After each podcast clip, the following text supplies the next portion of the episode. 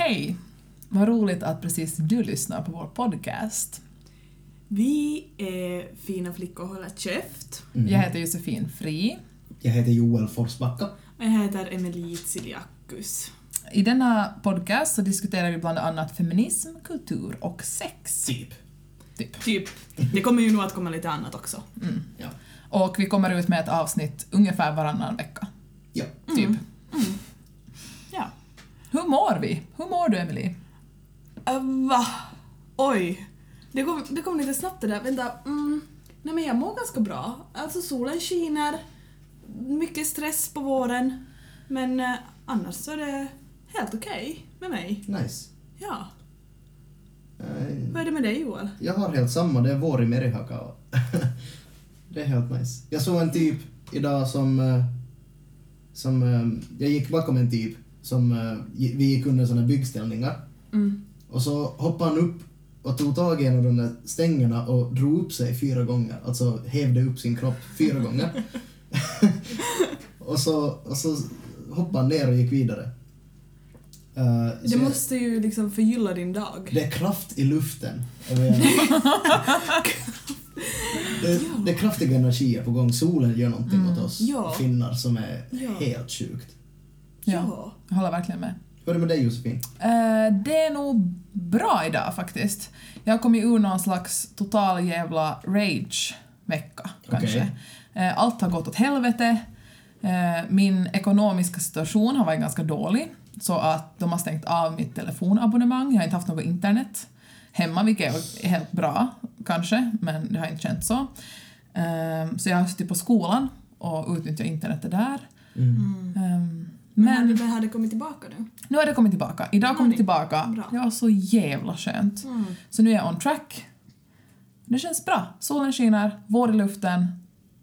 Ja. Ja, men vad skönt. Men jag tänkte, ska vi, vad, ska vi, vad ska vi prata om idag? Vad har vi för ämnen idag? Eh, Jag ska prata om en, eh, en eh, kvinna som heter Rachel Dolezal. Jag vet inte hur man uttalar det. Eller nu för tiden heter hon Nkechi Amare Diallo. Så det blir... Det ja, blir det. Henne ska okej. jag prata om. Okej. Alltså min rubrik är lite... min rubrik är Karelska folket i Österbotten Mm. efter krigstiden. Det gäller det. Det låter jätte, jättebra. Oj, vad faktapodd. Nåja. Ja. Eh, och jag ska prata om deporteringen av de 12 afghaner som skedde Ja, nu på måndagen. ja, Yes, men hej! Vi kör igång. Ja. vi kör. Välkomna till Fina flickor håller käft!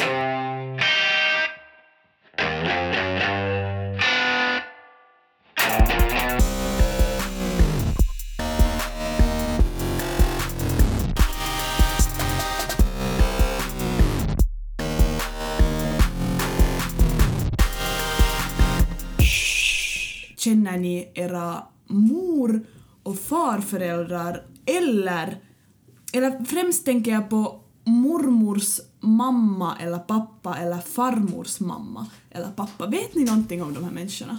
Jag har just faktiskt fått veta en hel del.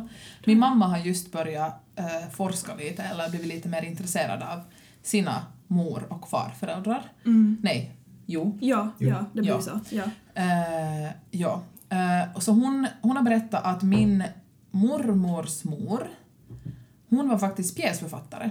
Eller, eller hon skrev pjäser. Spelade gitarr, var väldigt kristen och var så allmänt konstnärstyp. Typ. Lite som du då. Lite som jag, kanske därför jag ärvt det. Ja, ja.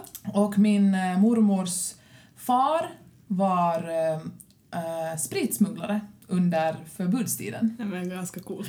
Och har seglat utanför Kuba. Så att han har seglat utanför Karibien. What? Och det här fick just mamma Oj. veta och mamma älskar ju Karibien och vi alla i vår familj älskar Karibien. Ja. Så det har hon fått veta nyligen. Att han har liksom, han var båtbyggare men sen under förbudstiden så var han spritsmugglare. Vid Torsö, vid vårt sommarställe där. Shit. Jag var med i en uh, sommarteater 2014 i Oravais. Shoutout till Vöru. Eh, Japp. eh, och, och den hette Lumpänglar. Den hette Lumpänglar och den handlar om eh, eh, massunaran, kallar de det. Alltså folk som jobbar vid sådana här fabriksområden. Eh, så det har förr varit ett järnsmälteri och, och sån där, det där området. Men de har alltså sytt lump och, och mm, vad heter det, de man eh, väver, vä, vävt tyg basically. Mm. Och det var, det- dit kom en massa finnar från olika skogstrakter till det där fabriksområdet som var fattiga och som fick, de bodde där och jobbade där och det blev som ett litet samhälle vid den där masunin, alltså en masugn är det då, Mm. Just det. Okej. Mm, ja. är det ordet då. Och min vad fan är det? Min morfars farmor, eh, Helmi eller vad hon hette, jag tror hon hette Helmi, ganska fint namn. Ganska långt ifrån. Morfars farmor. Ja. Ja. Min morfars farmor, Ja. eh, hon var masunare. Så Ja. hon var helt finskspråkig och så flyttade hon till, till basically är det Koumosan, eller, eller ja, dit i Orvas. Oravais skogarna. Och så har hon träffat min morfars farfar då. Och så Ja. har de fått barn och så har de fått Alf, min mo- morfars far. Som har fått min, som har fött min morfar, som har fött min mamma, som har fött mig. Så det är ganska långt. Men jag, jag, vet, att, jag vet att min morfars farmor var, jobbade på Masunin i Oravais. Vem var det som hette Alf? Min morfars far. Okej, för min, min morfar heter, hette Alf. Aj, okej. Ja. Wow. Så wow. Kanske det var ett namn. populärt, nej ja, trendnamn. Ja. Ja.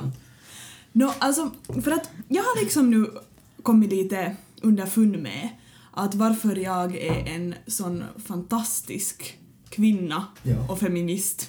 Så här självständig kvinna som inte tål något skit. det skulle jag säga att jag är. Det stämmer ju inte. Det stämmer inte alls. Men ja, vi, Men roligt att du har den vi, vi, bilden av dig själv. vi låtsas att det där stämmer. Så får vi fortsätta med det. Självständiga feminist Emelie. Ja. Ja, okej, Självständig. okej. Okej. Så för att min... Mm, mm, Ja, vi, ja. ja, ja. Min mummos mamma var alltså en sån här kvinna och jag tror att jag har ärvt det därifrån. Just det. Jag är hundra på det. Men mm, det konstiga är att jag, att hon dog för kanske, var det, det var typ tio år sedan. Eh, och jag hann ju inte riktigt bekanta mig med henne för jag var så liten då och jag fattade inte att jag borde göra det det. under den tiden. Men hon, eh, hon hette Saimi och hon det här... Hon var en av de här som kom från Karelen till eh, Österbotten under vinterkriget Mm. och sen senare på fortsättningskriget. ja. För att, alltså först var det ju vinterkriget 1939 till 1940. Och då var det alltså att eh, Ryssland hotade Finland att nu kommer vi att, kommer vi att komma och ta er. Ja. Och då, då flydde en del av, av karelska folket till andra delar av, av Finland. Det här vinterkriget slutar ju på det sättet att Finland hamnar att ge upp vissa delar av sitt land, till exempel Karelen.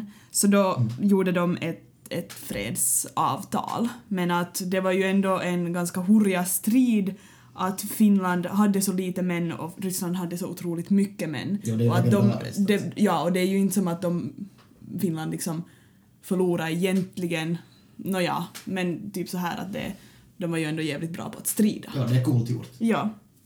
Det är helt otroligt. Ja. legendariskt. Ja, Det, ja. Jag, jag blir själv lite stolt. Jag blir Ja. också, jag blir min nationalist växt till liv. Ja, Ja. ja, och det är liksom, det, tänk, tänk de här, och sen så finns det ju såna här stora hjältar under vinterkriget, de här männen som dödar massa ryssar och de är så coola och bla, och de kom, på- kom på den här, den här, vad heter den, den här eldbomben. Molotov. Äh, Molotov, ja. Tror det var under vinterkriget. Var det finnarna som kom på den? Jo. Ja, ja, ja, ja. Jaha. De döpte den efter en rysk general. Ja, För att, för att jag har hört att, att de bomberna som föll över Finland kallar de uh, Molotovs brödkorgar, typ. Och då gjorde de en cocktail att här har ni att ja, det här kan vara en jättemyt bara, men att här har ni som passar till de, det här brödet då. Jag väljer att tro på den här myten. Jag tycker att det, Den är ganska- spännande, ja, men det, det är nog långsökt. Ja. Vem pratar om cocktails på 39? Men Nåja. anyways. Nåja, men anyway. Så, mm, så då kom de här karelerna under vinterkriget till, till andra delar av Finland. Men sen genast efter vinterkriget så började ju fortsättningskriget 1941 till 1944. Och då, eh, fick Finland tillbaka stora delar av Karelen. Eh, och då for många av de här karelerna tillbaka till Karelen. Ja. För att det var ju deras hem. Alltså, jag, jag pratade med min mamma och hon berättade att just Saimi hade berättat att, att det enda de, när de flydde därifrån, så de kunde ju inte ta mycket saker med sig utan de lämnade liksom allt, alla betyg, alla papper, allting liksom deras hem lämnade där. De bara satte på sig massa kläder för att kunna få så mycket kläder med sig och sen någon liten väska. Um, men de åkte tillbaka till sina hem, uh, men sen så 1944, när fortsättningskriget tog slut, så då tog ju Finland Karelen för gott. Och Finland förlo- förlorade och civilbefolkningen från Karelen evakuerades till, till stora delar av Finland. Eh, för att ja, Karelen hör ju inte längre till Finland. Det hör ju Nej, Ryssland tog det för gott. Ja. Ja, Du okej. sa, du sa Sa jag Finland? Ja. Ryssland. Jaha, det var Ryssland alltså som tog Karelen. Karelen, För gott. Ryssland har Karelen nu och har Ja. haft det sedan 44. Kyllä. Kyllä, kyllä. Och alltså uh, ungefär 900 karelare kom allt som allt till Tjöck tågstation. Alltså Tjöck, Check, ja. Tjöck, lilla, lilla Tjöck som är en liten, liten by i Kristinestad. Så dit kom 900 karelare och det bodde eh, ungefär tusen personer i Tjöck då, så befolkningen liksom Fördubblades. fördubblades. Gud. ja. Ehm, men att alla, alla av dem så lämnar ju inte i, i check, men att eh, många, till exempel Saimi och hennes systrar, så blev sån här, alltså pigor, men man använde ett lite finare uttryck, liksom palvelja. Ja. Tjänste- Tjänstefolk. Tjänstefolk, ja. Och de blev tjänstefolk hos rika finlandssvenskar, för det mesta. Oh, gud.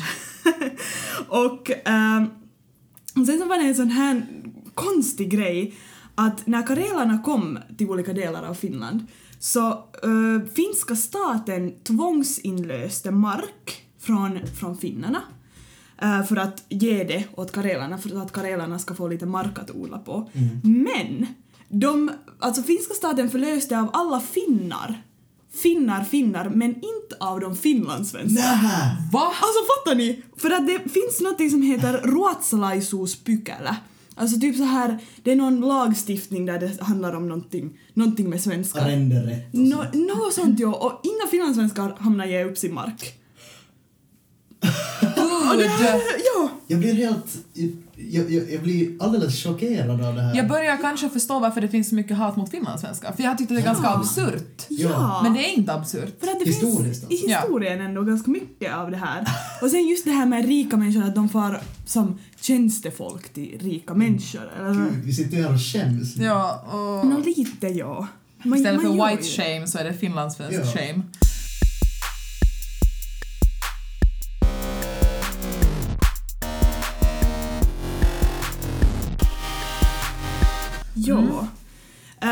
Men jag tänkte komma tillbaka till det här med, med Saimi för att när hon kom därifrån andra gången under, eh, efter fortsättningskriget så då uh, hade hon, hon hade jobbat under fortsättningskriget som Lotta men när hon uh, evakuerades därifrån så var hon alltså helt täysillä raskaana. Alltså hon var helt på sista, sista delen av sin graviditet. Hon kom från... När hon kom andra gången från, från Krig. Karelen. Jag är från Karelen. Ja, från Karelen. När- hon kom till Kristinestad så var hon jävligt gravid. Mhm. Och grejen där är att hon har aldrig berättat vem den här pappan är till min mommo. Uh, alltså, så vi vet inte egentligen vem min mommos pappa är. Eh, hon berättade till min mommo före hon fick, alltså hon fick, Saimi fick ganska uh, bad eh, Alzheimer i slutet av sitt liv. Men att jag tror att hon hann berätta till min mommo namnet på den här mannen. Åh, Men alltså jag har ju gått omkring och spekulera så här att okej, att hon var Lotta där i Karelen under fortsättningskriget, vilka män har kunnat vara där? ryssar. Mm, men jag tror inte hon skulle alltså ha, ha med en rysse med en fiende alltså. No. Ja, Eller? kanske inte. Kanske, inte vet jag. kanske Ja. inte. Ja. Men jag har tänkt att okej, Det måste ju vara Mannerheim för fan. För att du liksom, så du är nära besläktad med Mannerheim enligt dina Och det uträkningar. är därför du ja. är själv, självständig. Ja, det är därför jag är självständig Det är därför du inte tar har någon skit. Ja, ja. Herregud, du har ju krigarblod i dig. Jag har krigarblod i mig. Det är därför du är feminist. Ja, För att du är men, besläktad med Mannerheim. men vet ni vad jag också har tänkt? Alltså det här är ju, det här kanske inte alls stämmer. Men eh, tyskarna var ju inblandade i det här kriget på något sätt. Att tänk... Nej okej, det här är nog jävligt farfetched. Vadå, Hitler? Men tänk om Hitler skulle ha varit... Tänk att hon har bärt på den här skulden. Det är därför hon inte kan berätta vem det är, för att tänk om det skulle vara han. Om, om jag skulle ha fått en dotter med Adolf Hitler i skogen i Karelen Mm. och så skulle det ha bidragit till fyra generationer av vackra barn, Mm. då skulle inte jag berätta det. Nej. Nej. Nej. Bara om jag får Alzheimer så berättar jag det till. Så det, bara, bara den omständigheten tycker jag låter... Mm. Men, men jag, alltså, det, okej, jag, har, jag har pratat med min mamma om det här och, och de, liksom, mamma har sagt att nej, det kan inte vara Hitler för att alltså tyskarna, tyskarna var inte ens där och han hade ju sin Eva Braun och allt det här. Helt såhär saklig. Bara, nej, Ja. alltså. nej, han var ju förlovad. Han var ju och Hur vad hemskt skulle, han är. och vad skulle han egentligen gjort? Alltså jag... Inte- Det skulle vara så hemskt gjort. Du. Svika Eva Braun. Vad fan?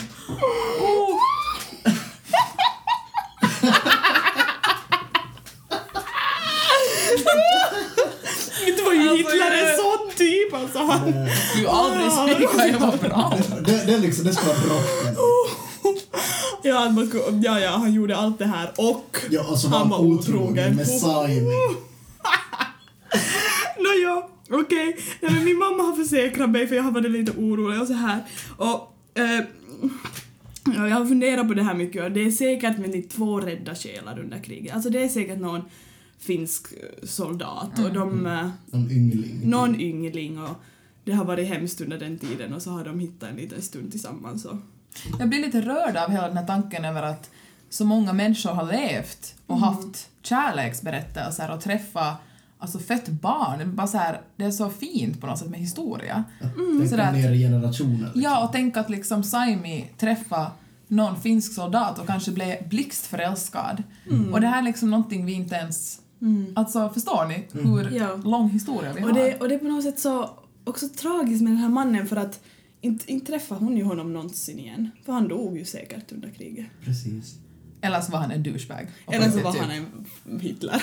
Typ utnyttja henne bakom något tält liksom. Ja, nåja, det kan ju hända också att det är... Nåja. Fy fan vad hemskt. Fy fan. Hitler! Jag älskar att, jag älskar också att du någonstans här, vänta lite, V- vem kan det vara? Mannerheim. Fan det är Hitler! Jag vet Hitler, mamma, mamma! Är det Hitler? Hon bara, Emily, nu är det så här att det är inte Hitler. Okej, huff, jag trodde det var Hitler. Jag tänkte på två personer, det var Mannerheim och Hitler. Också att jag tror att det är de här högsta gubbarna, alltså att det inte kan vara någon, någon annan utan det måste vara Mannerheim eller Hitler. Måste- ingen ingen annan. Okej, nåja. Men det här, det, det, var, det var om det. Eh, jag tänkte också prata lite om vem den här Saimi var och varför hon var så fantastisk. Berätta om Saimi. Ja. Uh, alltså, hon, alla, hon har tre barn och alla har olika pappor. Eh, ena vet man inte om, två vet man om. Ehm, och ehm, grejen var väl, alltså jag funderar mycket på det här att hur sågs det på det under den tiden, att det var liksom olika pappor och hon hade ganska många män och mamma berättade att alltid när det var en man som inte riktigt kunde sen bete sig eller han var lite tråkig eller så här så fick, han gå liksom för henne. Och jag tycker det är så jävla roligt. Uh, och hon, Kredit. Ja. vad sa du? Kredit. Kredit ja. Tar ingen skit. Nej, hon tar ingen skit. Och hon hjälpte också andra ensamstående kvinnor som var från Karelen som hade äh, mist sina män. Men, men också det här att, att jag hörde att min mommo, alltså när hon skulle födas, av, nåja, hon var ju, Saimi var ju då gravid och hon skulle föda min mommo och när hon skulle föda så fördes hon med sån här, ni vet sån här kälke kälke fördes hon och sen hade hon en sån här stor päls på sig och så förde man henne till någon sån här röd liten stuga där i Kristinestad och där var en barnmorska som hjälpte henne att föda. Wow. Alltså fattar ni att det här, det här vad är det, 60 år sedan, 70 år sedan och då såg det ut så här. Mm. Att man fördes med kälke till en stuga. Alltså, det... Så det fruktansvärt ja. att kvinnor har gått igenom såna förlossningar, tycker jag. Ja. Jag tänker att det redan nu är komplicerat. Ja. Alltså, eller än, eller liksom, ännu idag är det jävligt komplicerat att föda. Ja. Som, och det har många komplikationer. Ja. Och då, alltså gud. Alltså tänk hur det har varit då. Kredit. Kreddigt. Det- Det, det är nog jävligt kreddigt att föda under den tiden. Uh, och Saimi också, alltså då när jag föddes så berättade min mamma att Saimi var den första människan som såg mig efter min pappa. För att hon kunde inte vänta. Alltså hon, hon, hon hade kommit in dit till sjukhuset efter att min mamma hade fött mig. Så kom hon in dit typ så här två timmar efter födseln så det var typ så här att blodet var fortfarande på golvet. Och Saimi kommer dit att nu ska jag se, nu ska jag se det här nya barnet, nu ska jag se det här nya barnet och sen så höll hon om mig och sen när läkaren kom för en sån här check att hej nu ska vi ta med barnet och, och, och dig Minna eh, till en sån här kontroll så var Saimi så här hade mig i famnen jaha, jaha Va- vart ska vi gå då? Vart ska vi gå då? Så hon var liksom helt med. Och det, det är så jävla konstigt för att hon har varit en sån här människa och, och det enda som jag kommer ihåg av henne så är att hon lagar god potatismos och jättebra köttbullar med sås.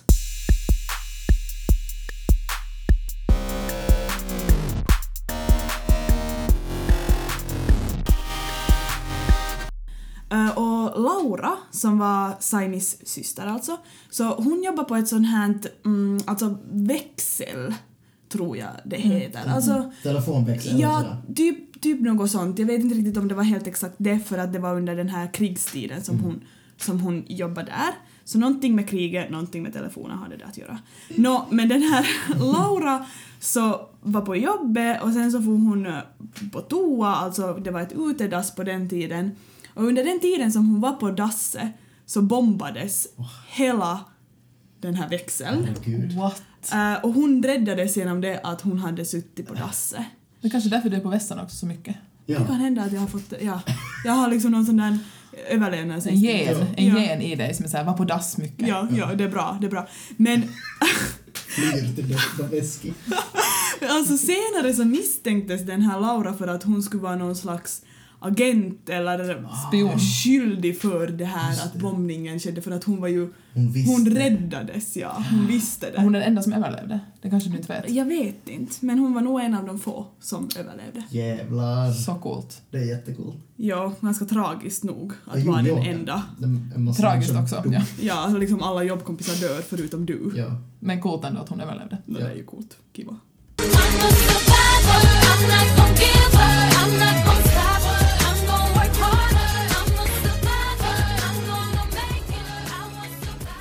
Nkechi Amare Diallo är transracial. Smaka på det ordet. Transracial. Hon är född vit 1977. Uh, eh, och hon... det är så galet. Hon är nu afroamerikan. Hon har varit, hon har varit ordförande för för National Association for the Advancement of Colored People, eller NAACP. Um, och hon har blivit sparkad därifrån, eller hon har typ av, sagt upp sig själv 2015, när det kom fram att hon inte är svart. För hon har typ låtsats vara det. Hur har hon låtsats? Alltså, vad? Hon har, hon har, hon har um, bronsat sin hy. Hon har skrivit in i alla anställningsforum och sånt att hon är, hon är av, hon är blandras alltså. Hon är afroamerikan, vit och nativamerikan. Jag hatar ordet blandras. Ja, det låter som en hund eller sådär. Ja, Ja, men jag vet inte vad jag ska... Ras på svenska är så annat än race. Ja, ja, Ja, det ja, är mixed race heter det på Ja. engelska, men ni Eh, förstår. Jag tror man använder ordet, är det etnicitet kanske, på svenska? Bland, av blandad etnicitet, ja. Eller av Ja. flera etniciteter. Så hon har alltså skrivit in att hon är de här tre. Mm. Eh, Hon är vadå? eh, kaukas, eller av eh, europeiskt ursprung, nativamerikan och afroamerikan. Okej. Ja. Ehm, och när det, när det kom fram att hon har ljugit om sitt ursprung eh, så har det börjat hagla kritik mot henne, väldigt mycket. Eh, hon har också innan det fått en massa hat eh, eh, ha- vad heter det, hatbrott be- har begåtts mot henne, påstår hon. Och här är det också väldigt svårt. För, för all, allstans där jag har läst om den här kvinnan så står det att det är alleged, alltså påstådda hatbrott. För hon har liksom anmält det själv och när det har tagits upp till, till forskan så hade, har hon släppt det eller så hade det har inte funnits några bevis och sådär. Så i princip har människor sagt att du är inte, du är inte afroamerikan. Nej, Liksom. nej folk, hon har sagt att folk har begått hatbrott mot mig som afroamerikanska. Gud. Och sen inte, okej. Oavsett. Ja. Hon, hon är alltså, hon bor eh, i... Alltså hon eh, har blivit utsatt för rasism. ja, ja. Hon, eh, hon kommer från eh, Spokane, Washington. eh, som eh, har en, en procent på, av afroamerikanska medborgare som är 1,9, alltså väldigt lågt. Mm. Det förklarar också varför det finns en hel del vita människor, jag kommer använda ordet vita nu fast jag inte, nåja. Mm. I den här National Association for the Advancement of Colored People, de, deras liksom, den stadens grupp för det. Mm.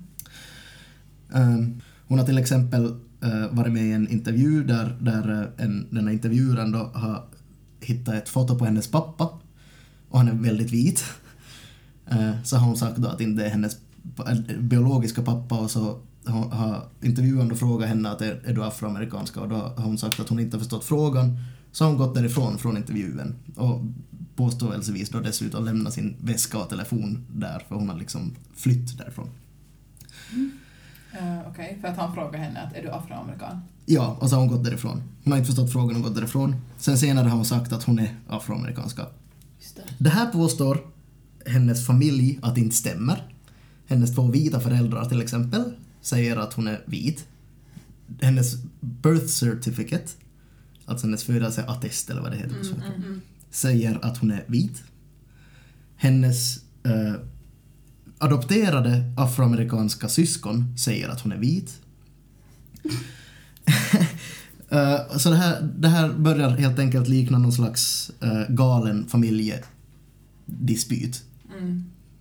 Ehm, nu vill jag fråga av er, tycker ni att det går att vara transracial? Är det någonting som vi ska inom citationstecken låta folk vara? Mm. Eller är det ett, ett uttryck för, är det basically blackface? Mm. För hon har verkligen eh, hon har gjort mockor. Hon har till exempel um, stämt sitt college som hon har jobbat på baserat på att på ras, graviditet, eh, familjeangelägenheter och kön. Um, och med ras menar hon då vit. Alltså hon har stämt någon eh, för att hon är, de har diskriminerat henne för att hon är vit trots att hon påstår att hon är svart. Hänger ni med Hon har nu? stämt någon för att de har sagt, alltså ut, utfört någon reverse racism Ja, som inte finns men ja, på henne. Just för att hon har jobbat på ett ganska svart, inom citationstecken igen, college. Men vem är hon? Ja, nej, det, det, förlåt, det, det, det här är jätteroddigt nu. Ja, Men, eh, jag vi försöker vi bara- förstår- Vi förstår nog. Det är jätteknasigt det här. Ja. Eh, hon, och, och sådär, hon, har, hon har sagt till exempel att um, race is just a social construct. Och därför påstå, kan hon då vara svart nu. Mm. Um, hon, angående Eric um, Garner, minns ni honom? Han som blev strypt ihjäl av poliser i New York. Mm. Mm. Enligt honom, hon, hon har sagt om honom, the strangling of Eric Garners case reminds us of our cultural memory of the strangling through the nooses. Det vill säga hon har tagit afroamerikansk historia av, av så, så att säga häxjakten på svarta. Men va? Och de, då, då de hängdes och sådär. Så nu vill, nu vill jag höra er åsikt. Ja. Eh, jag, jag vet inte om jag har sagt fram alla fakta, Ja. men, men eh, tycker ni att det går att vara transracial? Nå, jag, kan, jag kan först börja med det här för att jag, jag... Alltså jag tänker på just det här med, med till exempel att kan man jämföra etnicitet med kön? Mm. Alltså för att, eh, ja, kön är en social construct. Eh, och nå, enligt mig, och jag tror att enligt er båda två här också, så är det liksom, ja man kan identifiera sig som man eller kvinna eh, och det har ingenting, Eller andra kön. eller andra kön. Eller det, inget kön. Eller inget kön, eller, ja. Och det har ingenting med det att göra hur, hur man ser ut, om man nu har en pilli eller snippa eller vad man nu har. Ja. Ja. Eh, men det här är nog jättesvårt. Mm. Att kan, man, kan man jämföra det med det och liksom just det här att, att hon är ju vit. Alltså Ja. hon är ju men hon säger att hon, in, att hon identifierar sig som svart men Ja. är det liksom är det, är det rasistiskt av henne att hålla på så här? Alltså, Det är också det jag har svårt att, jag har liksom svårt att greppa det här just med tanke på, jag har svårt att greppa det här med tanke på ja, men just transrättigheter. Mm. Det blir en sån liksom, det, det blir en sån knivig fråga för att det är så här, ja.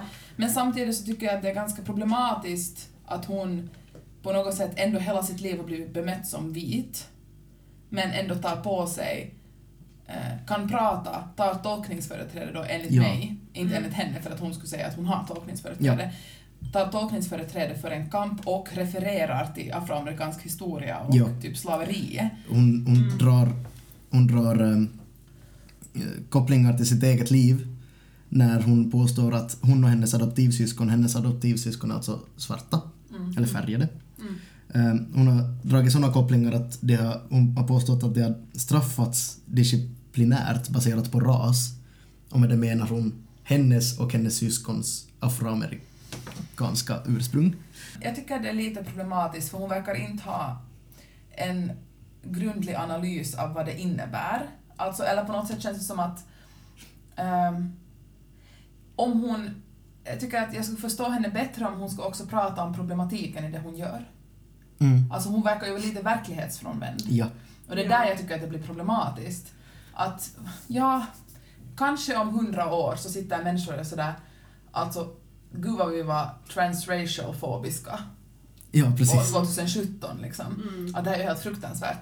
Men då tänker jag att, att där är en skillnad på om en människa är så här, ja okej, egentligen är jag afroamerikan, eh, jag fattar att det här är jätteproblematiskt men jag har alltid känt mig så här, vad ska jag göra?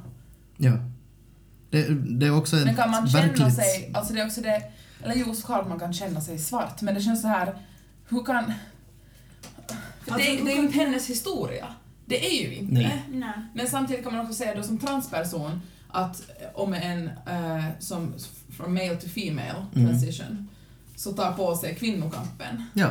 Det är liksom inte Mm. samma så här att, att eller från, ja, som, Mm. som, sen, som sen identifierar sig som kvinna. Ja. Så det är ju också samma som tar på sig kvinnokampen och blir feminist och så här, kvinnor ska ha, då blir det så här, ja fast du, förstår du, det blir Ja. liksom, men problemet är ju där att, att det, det är ändå annat för att, åh, för att hon är ju vit.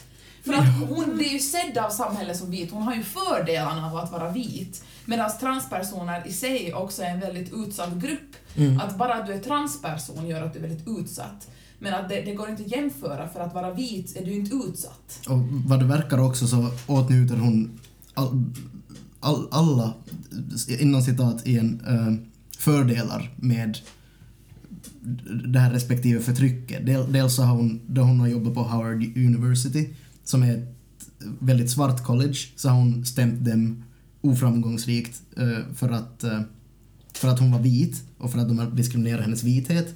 Och sen har hon också pratat om slaveri och hennes historia med det. Så det ser helt enkelt ut som att hon använder allas historia till sin fördel.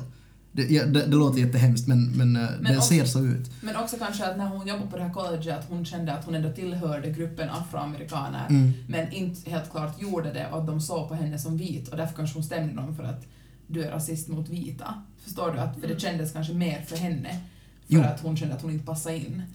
Men- ja, precis. Men så här, min fråga är då, borde vi ta hennes känslor på allvar?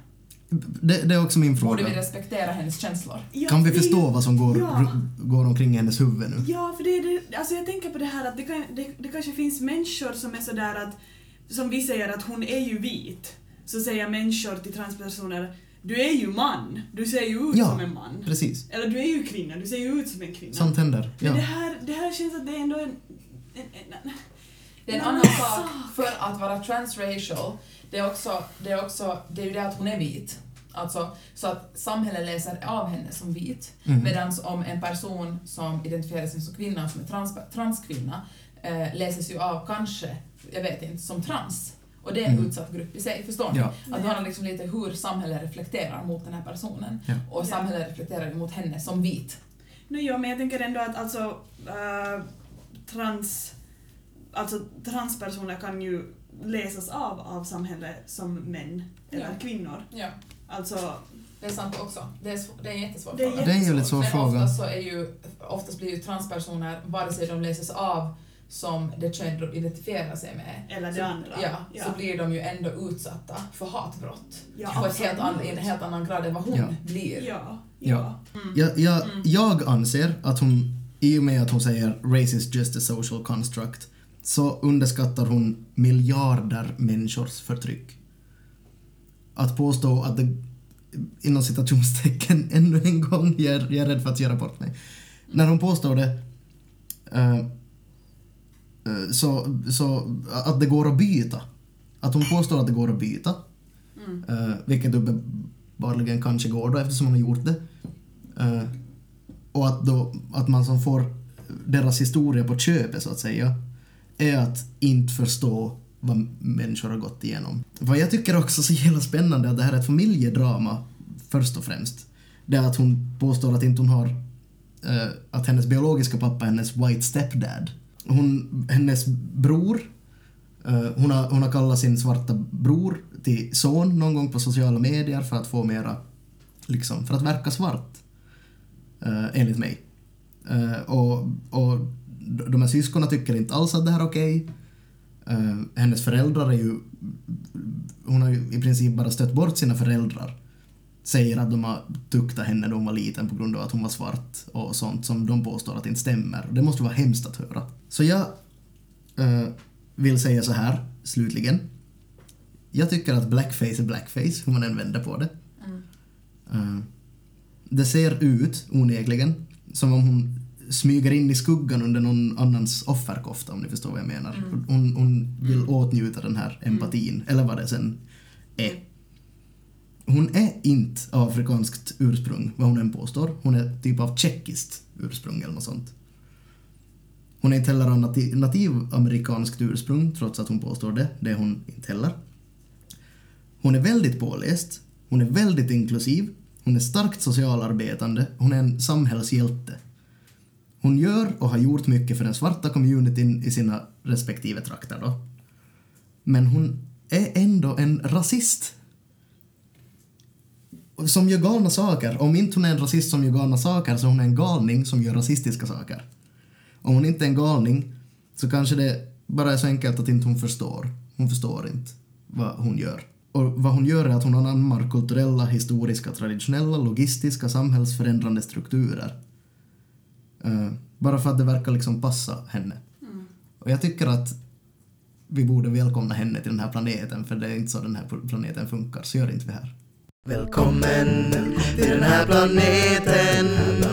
Det är dags för dig att lära dig hur den fungerar. Kom en till den här planeten. Du saknar en allmän förmåga till analys.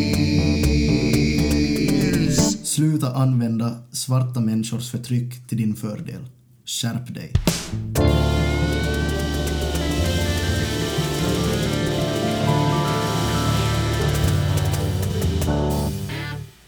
Jag ska prata om deporteringen av de 12 afghaner som skedde på måndagen den 3 april vid midnatt. Jag tänkte först beskriva vad som hände. Vet ni ungefär vad som har hänt? Ungefär in, in, inte så bra som Tyvärr inte, nej. jag skulle vilja. Nej, Ja, men jag kan, då kan jag berätta för er ungefär hur hela händelseförloppet gick till Ja. under måndagen.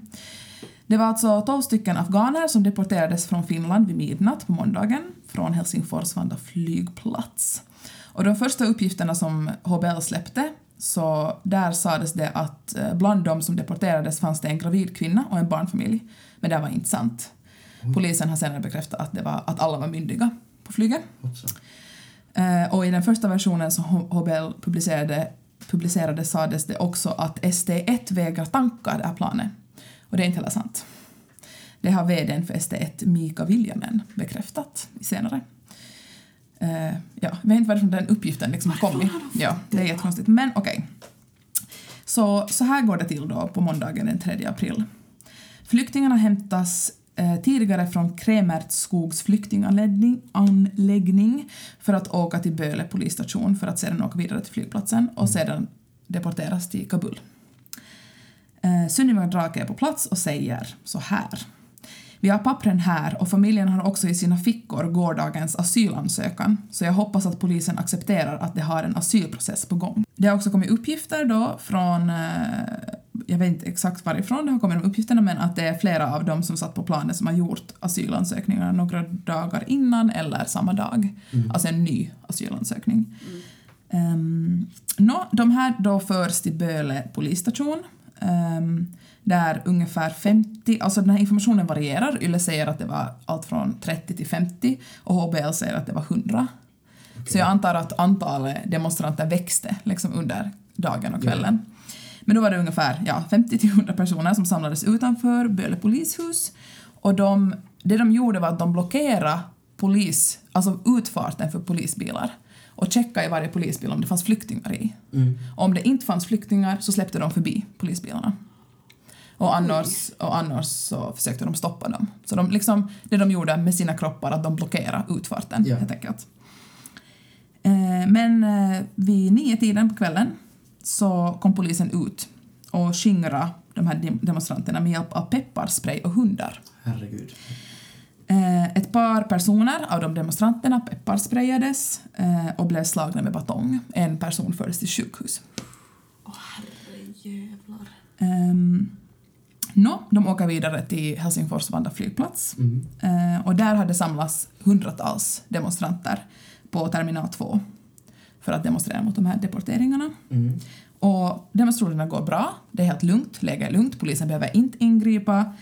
Ehm, men det som myndigheterna, myndigheterna har gjort är att de har, som en undanmanöver, har de sett till att flyget avgår från en fraktterminal. Oj. Ja. Och det de också har gjort, poliserna har inte sagt någonting om den här deporteringen. Informationen har kommit annanstans ifrån. Jag har ingen aning var den här informationen har kommit ifrån. Eh, men polisen har helt hållit tyst.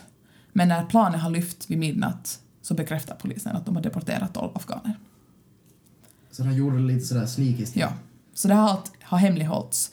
Men demonstranterna har fått veta det från annat håll. Ja. Eh, ja.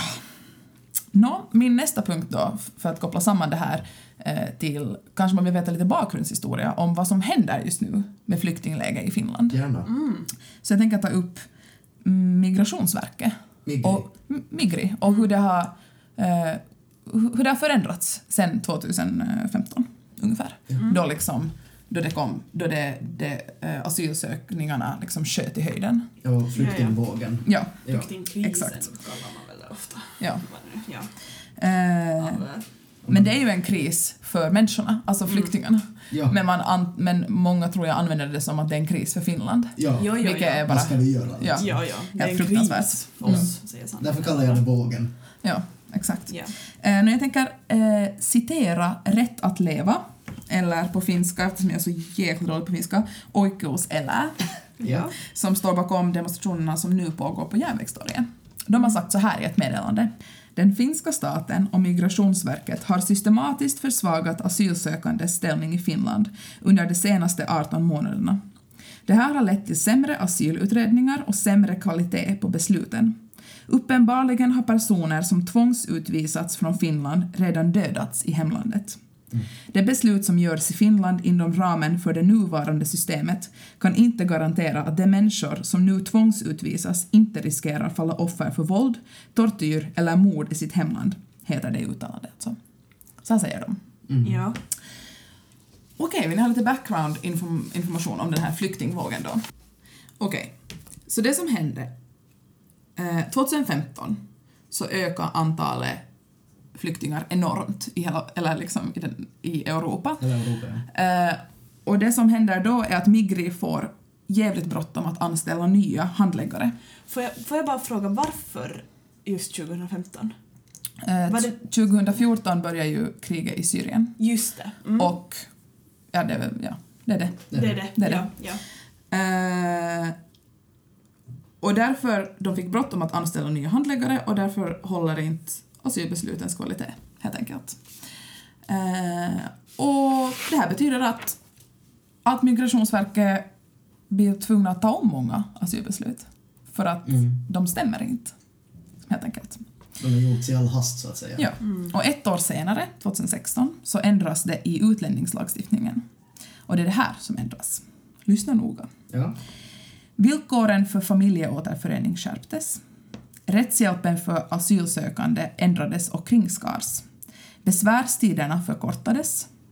Kraven på domstolsbehandling gällande tagande i förvar lättades. Uppehållstillstånd på grund av hum- humanitärt skydd ströks ur lagen. År 2015 så, så lades det till, eh, eller 2015 redan före den här, de här stora lagförändringarna skedde, så lade de till att eh, tillfälligt uppehållstillstånd för personer som inte kan utvisas ströks helt ur lagen. Och sen en bra sak som, som skedde, eh, som de också lade till i lagen, var att eh, boendeskyldighet infördes som en säkringsåtgärd för barn och vuxna. Så att de måste ha någonstans att bo. Det är liksom, Ja. De är skyldiga att ha någonstans att bo. Mm. Och för ett år sedan, på våren då, 2016, så meddelade Migri att de strävar efter att fatta tusen asylbeslut i veckan. Uff. Okej, och då kommer vi till en till punkt med Migri. Jag tror att det är inte många som vet det här. Det här är ganska, jag tycker det är fruktansvärt intressant. För det här, det här saker blir fucking weird. Mm. Så på våren då, 2016, mm, så ändrar Migrationsverket sina säkerhetsbedömningar för de vanligaste ursprungsländerna. De påstod att läget var tydligen förbättrat och det räckte inte längre att man kom från ett specifikt område utan det krävdes individuella skäl. Men det som är intressant här är att de här nya säkerhetsbedömningarna stämde inte och hade inte en stöd av Mi- Migrationsverket verkets egen landinformation. Nej, precis. Så den här informationen kommer de ut med och då har det blivit bättre i Afghanistan till exempel. Det har blivit bättre. Men deras landinformation som de har, så det stämmer inte överens med det. Just det. I deras, I deras papper står det Ja, ändå så att det är kri- krigshärjat. Exakt. Så under krisen så kommer de ut med ett falskt påstående.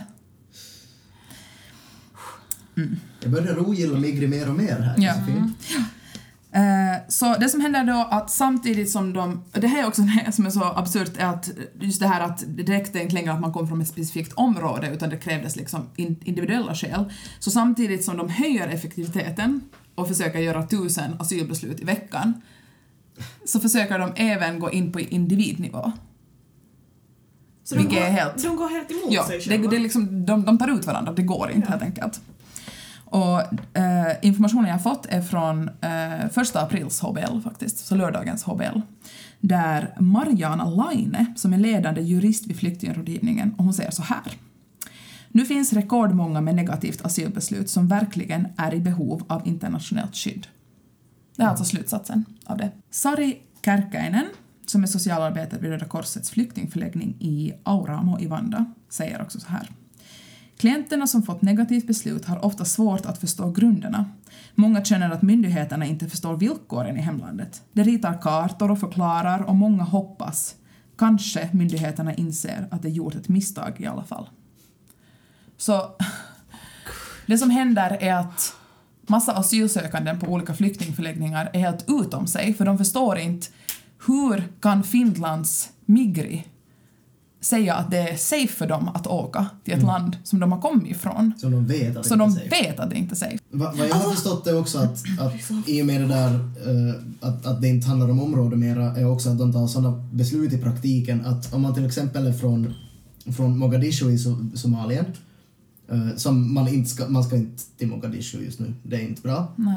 Eh, så kan de bestämma att det finns en liten plätt i Somalien som inte härjat av krig eller inbördeskrig eller, eller gerillas eller vad som helst.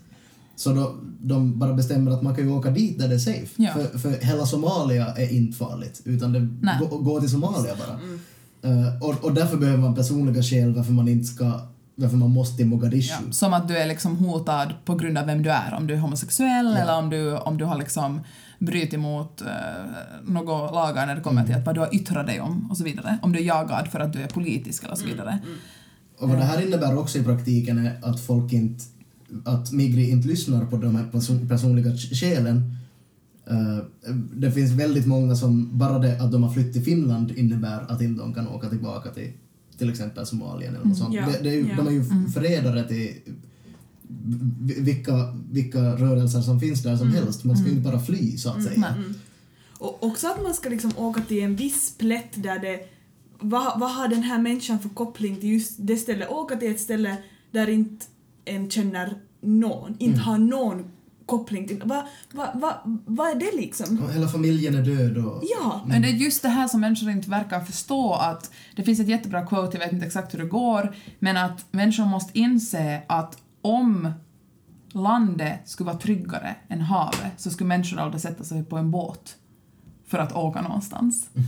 Alltså om man tycker att havet, att, att havet, att åka över Medelhavet är tryggare än att vara kvar i sitt land. Att åka över Medelhavet med en gummibåt är tryggare. Så måste människor inse Man kan utvisa afghaner att de måste åka till Afghanistan men till finländska folket säger man att ni ska inte åka till Afghanistan Precis. för att det är Exakt, osäkert. exakt.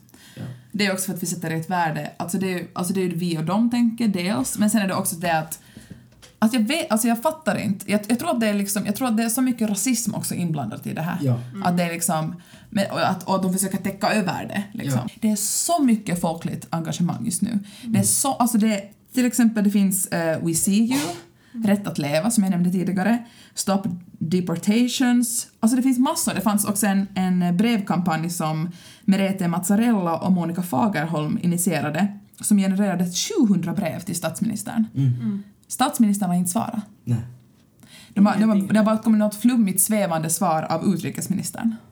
Någon sån här Tju- massmail ja, eller någon något så här bla bla bla liksom. Och det som, alltså, så här, dels är det så mycket som är sketchy hela det här eftersom poliserna underhåller undanhåller information.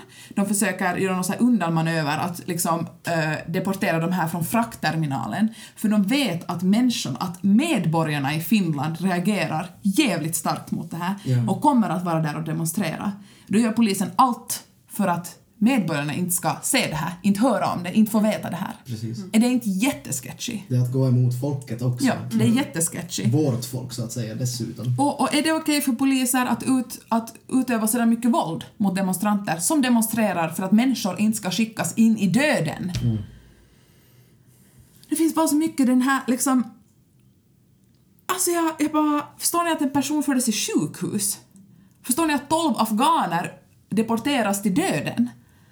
Och vi, alltså folket, uttrycker helt tydligt Snälla fucking regering, gör någonting. Men det kommer inget svar från re- regeringen. Det är regeringen som är passiv, det är inte medborgarna just nu. Men, och att det här med att polisen har bekräftat, jag sätter situationstecken, för att polisen har bekräftat att det inte fanns en gravid kvinna, det fanns inte en barnfamilj. Vem fan vet om det är sant? Nej, ja. Och det börjar bli så här. Hur ska vi kunna lita på våra myndigheter? Hur ska vi kunna lita på vår re- regering? Mm. För mig är det absurt svårt att göra det just nu. Skärp er, Migri. Skärp er Finland! Skärp er! Vittu! Äh.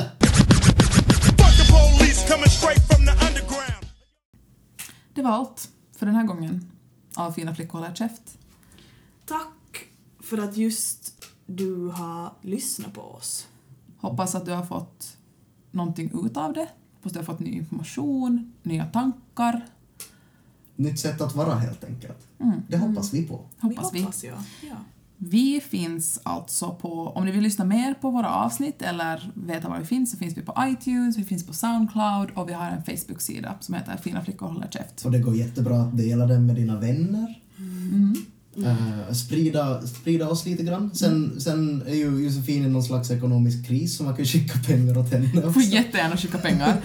Jag har alltså inte, jag har inte råd med skollunchen just nu. Och den är billig. Den är billig. Ja. Men ni kan också, om ni har frågor, om ni har tankar, om ni har kritik, feedback, vad som helst. Ni tycker att vi har betett oss asigt. Någonting som ni skulle vilja att vi skulle prata om? Ja, någonting ni vill att vi ska säga. Så kan ni skicka mail till finaflickorhallerkaft@gmail.com. Eller, eller skicka via Facebook eller kom och prata med oss eftersom att vi ni antagligen känner oss. Ja, ja. Vad antar att alla känner oss. Ja, För vi bara är våra vänner lyssnar. Vi är liksom lite kända ändå här. Nej, ja, Ja. Ja. Men hej, tills nästa gång. Tack för oss. Vi heter Fina flickor håller käft. Shh.